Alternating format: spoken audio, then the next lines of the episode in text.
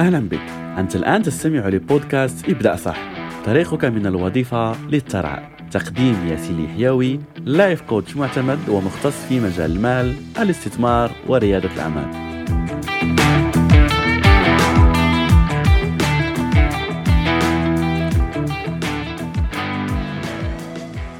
في واحدة من ليالي باريس الباردة أول شهر ديسمبر قبل سنوات كنت أستعد للنوم وتذكرت أنني لم أجدد بطاقة اشتراكي الشهري في وسائل التنقل.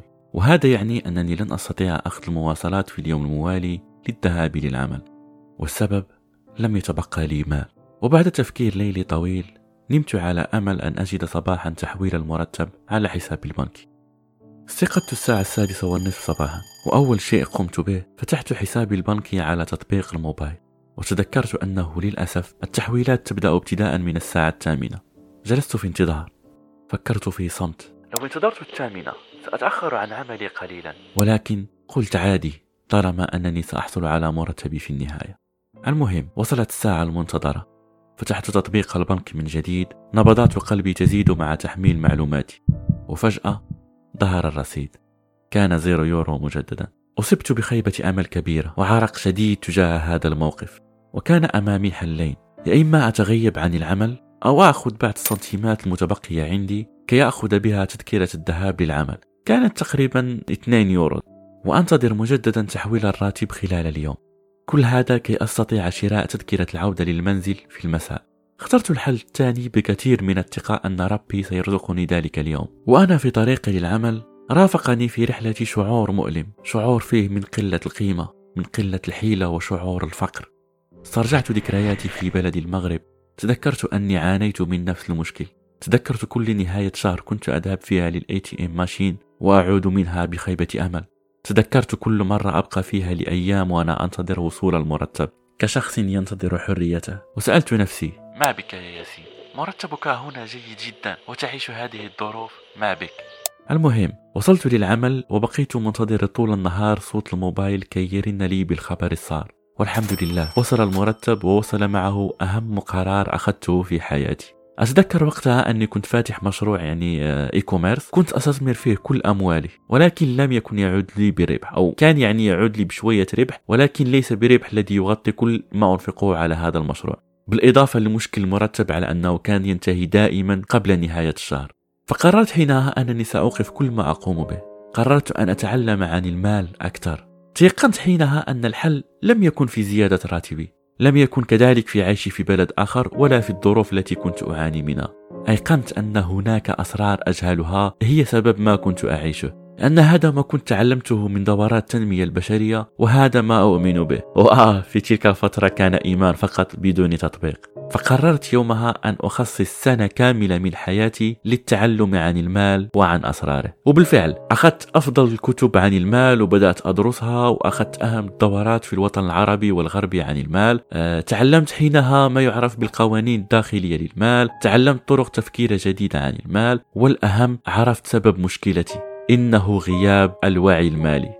بعدها حضرت لي دورة غيرت حياتي بالكامل. عارف بعض الأحيان كنسمعوا بعض الأشخاص كيقول لك على أنه سمع معلومة أو لا أخذ نصيحة من شخص ولا حضر دورة ولا فيديو وهذا الفيديو غير حياته رأسا على عقب. هذا بالضبط اللي وقع لي في هذه الدورة اللي كانت في بروكسل عن عقلية المليونير. وأنا داخل لقاعة هذه الدورة واللي كانت في أحد الفنادق الكبيرة هناك ما زلت أتذكر كم كنت مندهش من عدد الحاضرين. وأتذكر وجودي في وسط عديد من الناس بكل اللغات بكل لهجات ومن كل مناطق في العالم. وبدأت بالتكلم مع بعض المجموعات عن سبب حضورهم لهذه الدورة وحسيت بعدها بارتياح. ممكن تقول لي كيف ارتياح؟ وانت أصلا ذاهب وعندك مشاكل وذاهب يعني في معاناة. ببساطة لأني عرفت أن هذه المشكلة ليست مشكلتي وحدي وليست في بلدي وليست في وطننا العربي فقط بل في العالم كله. بدأت الدورة وبدأ المتحدث يتكلم. أه، حسيت على أنه في كل كلمة كان يقولها هو يوجه الرسالة لي وحدي لأنه حكى بالضبط ما كنت أعيشه في تلك الأيام. والدورة فتحت لي أبواب تفكير جديدة. كانت ثلاثة أيام تعلمت فيها عن المال ما لم أتعلمه طيلة حياتي عنه ثلاث أيام من الساعة التاسعة صباحا للساعة الحادية عشر ليلا كلها معلومات كان فيها تمارين آه، تفريغ للمشاعر السلبية عن المال تصالح مع الماضي آه، تكوين وعي مالي جديد وغيرها من الأمور التي تخص المال. ولسخرية القدر أنه انتهت الدورة يوم الأحد بالليل وكان علي العودة يعني لباريس في اليوم الموالي لأني كنت واخد إذن بالغياب آه، فقط لنصف اليوم وكنت يعني سأعمل في الفترة المسائية. ولكن بسبب التعب استيقظت ساعة متأخر عن موعد القطار وكان يومها هو 25 من الشهر. فهنا يعني أعتقد أنك عرفت تكملة القصة وتفاصيلها. فآه يعني كان عندي مال فقط يكفيني لأنهي الشهر وكنت مضطر لأخذ بهذا المال تذكرة العودة وإلا كنت سأبقى هناك يعني تائه في بروكسل. وعند عودتي لباريس فأكيد استلفت الأموال كي أكمل الشهر. ولكن كانت هذه آخر مرة أستلف فيها ومن بعدها تغيرت حياتي. حياة ولد فيها ياسين من جديد. فبدأت أطبق ما تعلمته وشوية بشوية أصبح عندي سيستم مالي واضح. أصبح حسابي المالي يزيد. سافرت بعدها للندن اخترت أفضل شركة لتعليم الاستثمار. وكان هدفي يعني وقتها أن أتعلم الاستثمار في الأسهم والبورصة لأنه كان يتماشى مع حياتي كموظف لأنني الاستثمار لا يأخذ وقت كبير. والحمد لله لما طبقت أصبح رصيدي المالي البنكي دائما في زيادة وتطور. وتم اختياري بعدها كأفضل أشخاص الذين تعلموا مع هذه الشركة. وعملت لقاء مع صاحب الشركة أحد المليونيرات الإنجليز. وواحد من أنجح المتحدثين والمستثمرين في العالم. تعلمت منه الكثير في هذه الجلسة ومن نصائحه وفعلا يعني كانت نصائح بملايين الدولارات. وحتى في عملي بعد أن غيرت قناعتي عن المال تضاعف دخلي ومرتبي ثلاث مرات بفضل الله تعالى. والأهم من هذا كله هو أنه خلاص عرفت الحل ووجدت طريقي الخاص بعد التعلم من الأفضل في المجال. والآن أعتقد على أنك متحمس لتعرف كيف قمت بهذا وما هو هذا ال system وما هي الاستراتيجيات التي قمت بها في حياتي. فخليني أشرح لك أكثر بداية الحكاية وهي في ال system المالي الذي طبقته وطورت منه ولا زلت إلى اليوم أتعامل به وأشرحه للناس. وأعدك أن تتغير حياتك المالية لو بدأت تطبقه أنت كذلك في حياتك. لأن قوة ما سأشاركه معك هي أن هذا النظام يغطي كل احتياجاتك كيفما كانت وكيفما كانت ظروفك الحالية. سواء عندك ديون أو عندك أهداف مالية تريد أن تحققها مثال شراء منزل إنشاء مشروع آه، أو كيفما يعني كان هذا الهدف فهذا ال system سيفتح لك الأبواب كي تغطي كل نفقاتك وتحقق هدفك بكل يسر إن شاء الله. فهذا السيستم يعتمد على تقسيم دخلك على عدة مجالات أو ممكن نسميها حسابات. ونبدأ بأول حساب وهذا يخص قاعدة جد جد مهمة عليك أن تتذكرها جيدا. هي أن الشخص الغني يصرف على نفسه أولا ثم يفكر في باقي الأمور. عكس الشخص الفقير الذي ينفق دائما كل شيء وإن تبقى له مال يحتفظ به لنفسه. وأقول إن تبقى لأنه غالبا لا يتبقى له أي شيء. الحساب الأول سنسميه حساب الادخار وهنا كما ذكرت عليك التفكير بعقلية شخص غني. وأول شيء تقوم به عندما تحصل على الدخل هي تحويل نسبة 10% من هذا الدخل لهذا الحساب قبل أن تصرف أي شيء.